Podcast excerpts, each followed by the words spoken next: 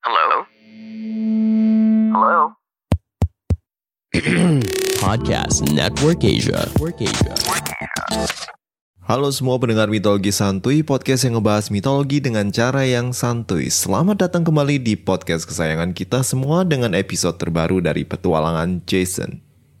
Minggu lalu Jason dan kru Argonaut mengunjungi Dolionia dan menaklukkan suku-suku raksasa yang telah lama menjadi teror bagi kerajaan itu.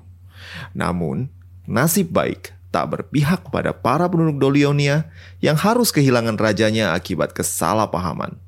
Sementara itu, dayung Hercules patah dan ketika mencari pohon untuk dayungnya, sesuatu yang tak terduga terjadi.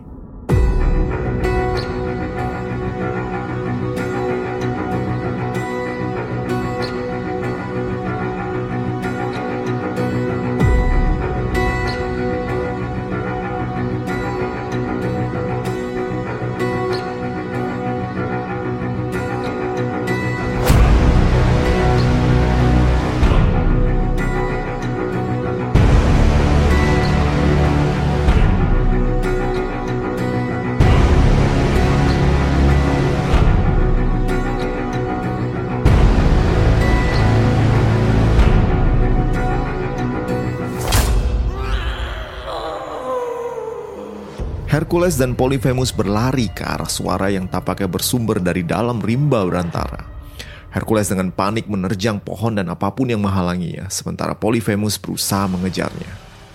Keduanya mencari hilas ke seluruh penjuru pulau, dari gua, kolam, sampai semak-semak pun dibongkar oleh Hercules. Namun yang dicari tak kunjung ditemukan. Hilang, seolah ditelan oleh bumi.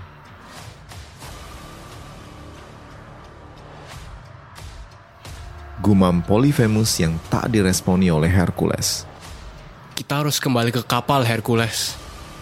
Tipis bilang kita akan berangkat menjelang malam saat angin utara berhembus. No, enggak. Gua nggak akan berangkat tanpa hilas. Gua akan cari dia lagi. Biarin aja mereka nunggu. Hercules terus berkeliling mencari hilas di pulau, ditemani oleh Polyphemus. Sementara itu malam pun tiba, dan sesuai kata-kata Polyphemus, tipis membentangkan layar, dan kapal Argo berangkat meninggalkan pulau, beserta Hercules dan Polyphemus. Mereka tidak menyadari bahwa keduanya tidak ikut naik ke kapal. Dan baru sadar ketika Telamon yang biasa minum-minum bareng Hercules nyariin Hercules. Sontak semua kaget. Hercules gak ada di kapal. Jason dan kru kapal yang lain meminta Tipis untuk balik menjemput Hercules, tapi Kalais dan Zetes punya pendapat yang berbeda. Biarin aja lah, mereka kan udah tahu kita bakal berangkat malam ini. Udah capek-capek datengin angin, masa kita balik lagi? Kata Zetes. Gak mau tahu, kita mesti balik. Teriak Telamon, teman dekat Hercules yang mulai emosi mendengar penolakan Zetes. Gimana kita bisa berhasil sampai ke Kolkis tanpa Hercules? Dia jauh lebih berharga dibanding kedua anak ini. Kata Telamon sambil menunjuk ke arah Kalais dan Zetes. Oh gitu, gua hancurin juga ini kapal. Coba lihat siapa yang lebih berguna sekarang. Lu ngancem kita. Tanya Telamon sambil menghampiri Kalais. Lu mau berontak? Biar gue lempar lu dari kapal sekarang. Goblok lu, kita kan bisa terbang. Udah, udah, jangan berantem. Teriak Jason sambil berusaha memisahkan Telamon dan Kalais. Baru saja Jason menyelesaikan kata-katanya, ombak besar menghantam kapal. Dan tiba-tiba muncul sesosok makhluk setengah ikan dan setengah manusia. Makhluk ini adalah dewa laut yang bernama Glaucus. Glaucus dulunya adalah seorang nelayan biasa yang tinggal di Boetia. Dan tiba-tiba dia menjadi dewa. Dan cerita bagaimana dia menjadi dewa mirip dengan origin story dari superhero Marvel. Glaucus pada suatu hari mungkin habis dia pulang dari nyari ikan, dia menemukan sebuah tanaman aneh di pinggir laut yang bersinar terang. Penasaran akan tanaman tersebut, Glaucus pun kemudian memetik beberapa helai daun yang kemudian menghilang setelah dipetik. Glaucus yang mungkin lagi gabut atau dagangannya nggak laku, kemudian iseng ngasih daun tersebut ke ikan tongkol dagangannya yang udah mati. Dan di luar dugaan, ikan tersebut hidup lagi dan loncat ke laut dan berenang macam Free Willy. Glaucus penasaran dan dia pun kemudian mencoba sendiri mengunyah daun misterius tersebut. Dan terjadilah keajaiban. Perubahan pun kemudian terjadi pada tubuhnya. Sebuah sirip muncul dari punggungnya dan kakinya menyatu menjadi ekor ikan, sementara tubuhnya tetap berwujud manusia. Penampilan Glaucus berubah jadi kayak semacam putra duyung kali ya. Dan dia memiliki kemampuan berenang dan bernafas dalam air. Poseidon kemudian menugaskannya menjadi penolong manusia di lautan. Argo tidak boleh kembali ke pulau, kata Glaucus dengan lantang. Sudah jadi takdir Hercules untuk melanjutkan 12 tugasnya untuk Orestes. Polyphemus, kelak dia juga akan memiliki andil penting. Dia akan mendirikan kota Chius. Semua ini adalah kehendak para dewa. Setelah mengucapkan kalimat ini, Glaucus pun kemudian kembali ke dalam gelapnya lautan malam. Udah nggak diundang, tiba-tiba datang, tiba-tiba pergi juga. Demikianlah Glaucus. Maaf Telamon, kita nggak bisa kembali untuk jemput Hercules. Kata Jason berusaha menenangkan Telamon. Telamon pun tunduk. Demi persatuan dan perdamaian kru kapal Argo, Telamon pun mengalah. Walau dalam hati Telamon ingin sekali menghajar kedua putra angin utara tersebut.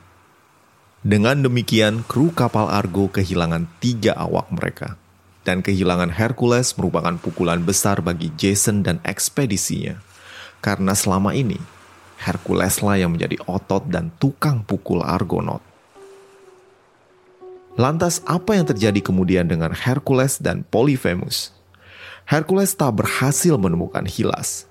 Setelah berbulan-bulan mencari Hilas, Hercules akhirnya pulang kampung ke Yunani sebelum menugaskan penduduk Misia tempat Hilas hilang untuk mencari Hilas.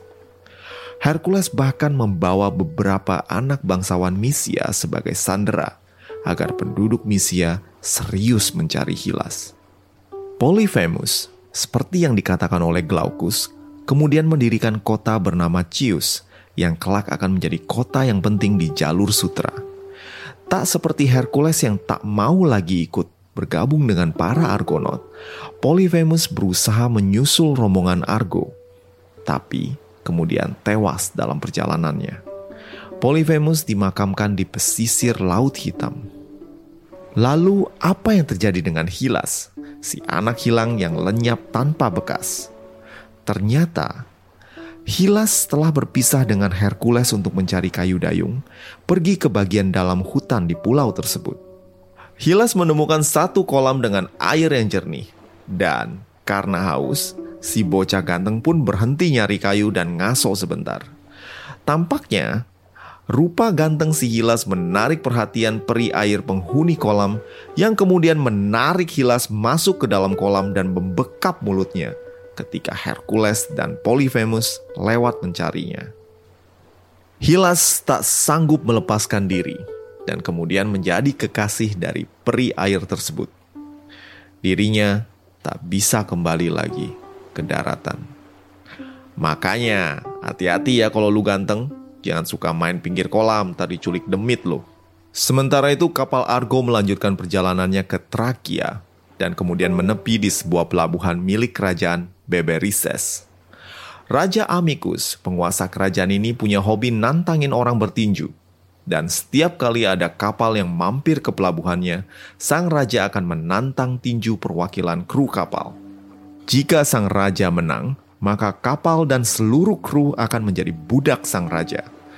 Jika sang raja kalah, maka si raja akan memperbolehkan kapal tersebut pergi dengan perbekalan penuh. Dan selama ini, tak satu kapal pun yang lolos dari Beberises, karena Amicus adalah petinju yang handal. Jason dan para Argonaut sempat ragu untuk mendarat di pelabuhan yang kurang bersahabat ini. Namun perbekalan mereka sudah menipis dan pelabuhan ini adalah pelabuhan yang paling dekat.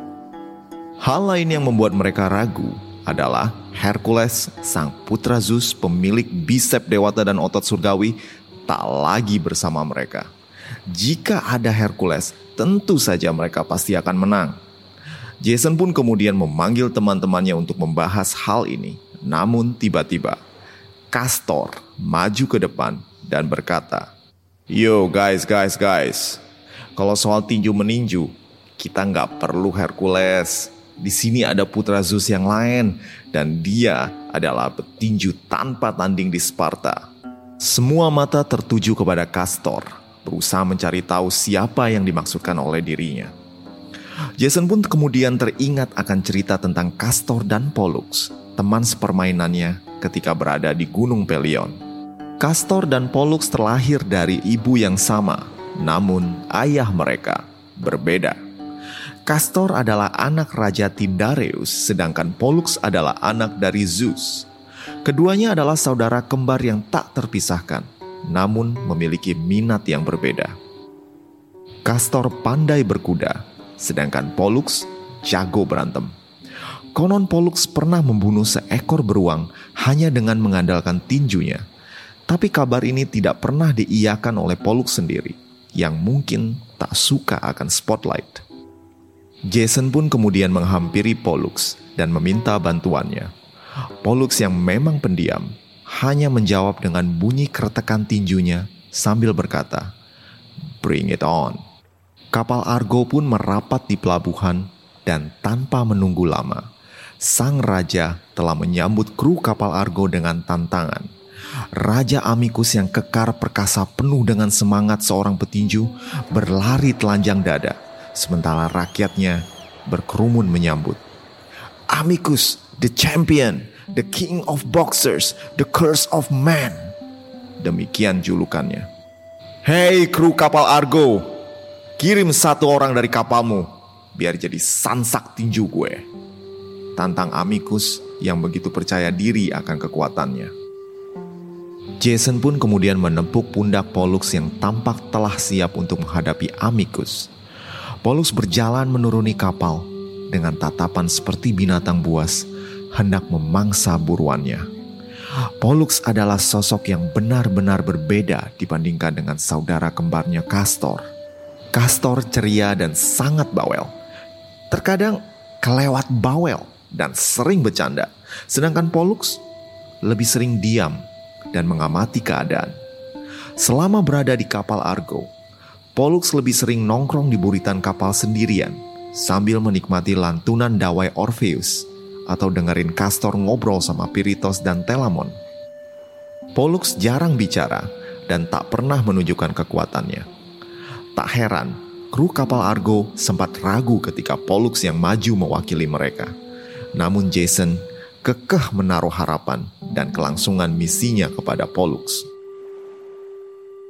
Pollux dan Raja Amicus berdiri berhadap-hadapan. Amicus yang sombong berteriak kepada para penonton meminta dukungan mereka. Dan para penonton membalas dengan sorak-sorai yang membahana. Pollux tak terpengaruh oleh teriakan para penonton. Matanya hanya tertuju pada Amicus yang sibuk bertingkah macam petinju profesional yang sibuk berpose dan meninju udara. Pollux hanya tersenyum tipis menyeringai melihat lawannya yang banyak gaya. Dan pertarungan pun dimulai. Amicus tampak tak menyanyiakan waktu dan langsung menerjang ke arah Pollux. Tampak wajahnya buas bagaikan harimau yang akan menelan mangsanya bulat-bulat. Tangannya terkepal dan terlihat jelas. Tangan kanannya tertarik ke belakang tanda tinjunya yang dahsyat akan meluncur bagai bola meriam melesat menghantam Pollux. Pollux tak gentar. Matanya mengamati Amicus. Gerakan Amicus yang cepat dan tinjunya akan segera mendarat di tengkuknya. Kini doang. Gumam Pollux yang kemudian tiba-tiba melesatkan tinju langsung ke dada kiri Amicus. Tinju Pollux yang keras menghantarkan tenaga dahsyat yang menembus dada sang raja dan menghancurkan jantungnya. Amicus tumbang tanpa mengatakan sepatah kata pun. Sang raja tinju yang tak terkalahkan telah tewas di tangan Pollux. Sementara Pollux dengan ekspresi dingin hanya berbalik badan dan berjalan ke arah geladak kapal Argo. para kru Argo bersorak menyambut kemenangan Pollux. Sang pendiam yang selalu merenung ternyata adalah seorang petarung yang tangguh. Tinjunya bagaikan Saitama, menaklukkan musuh hanya dengan sekali tinju saja. Castor sibuk berceloteh tentang kehebatan saudara kembarnya, walau aksi Pollux barusan telah menanamkan kepercayaan diri para Argonaut yang hilang akibat ditinggal atau meninggalkan Hercules.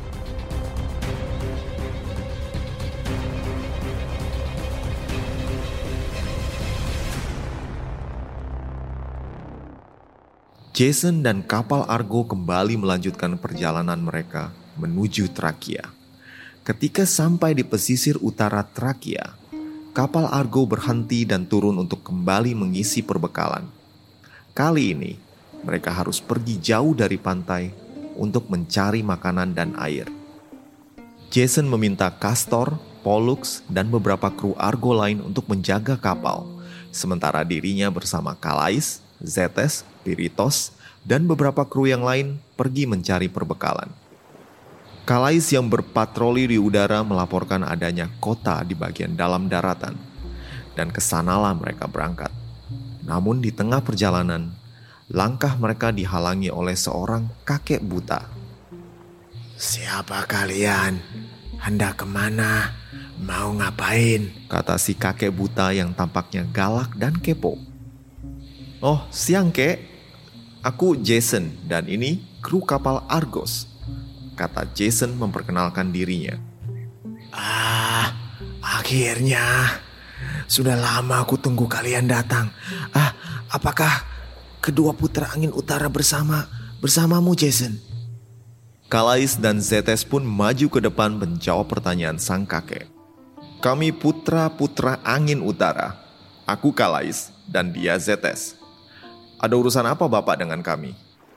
Sang kakek terdiam dan air mata menetes dari kedua matanya yang terpejam. Nah, siapakah sang kakek? Dan apakah yang akan terjadi pada Jason dan petualangannya? Seperti biasa, kalian harus nunggu sampai minggu depan untuk lanjutan ceritanya. Yang sabar ya. Buat kalian yang kepengen dukung podcast Mitologi Santuy, silahkan mampir ke link traktir Mitologi Santuy yang tersedia di deskripsi episode. Setiap kontribusi kalian sangat-sangat gua hargain. Oke, ini dulu ya. See you again. Bye.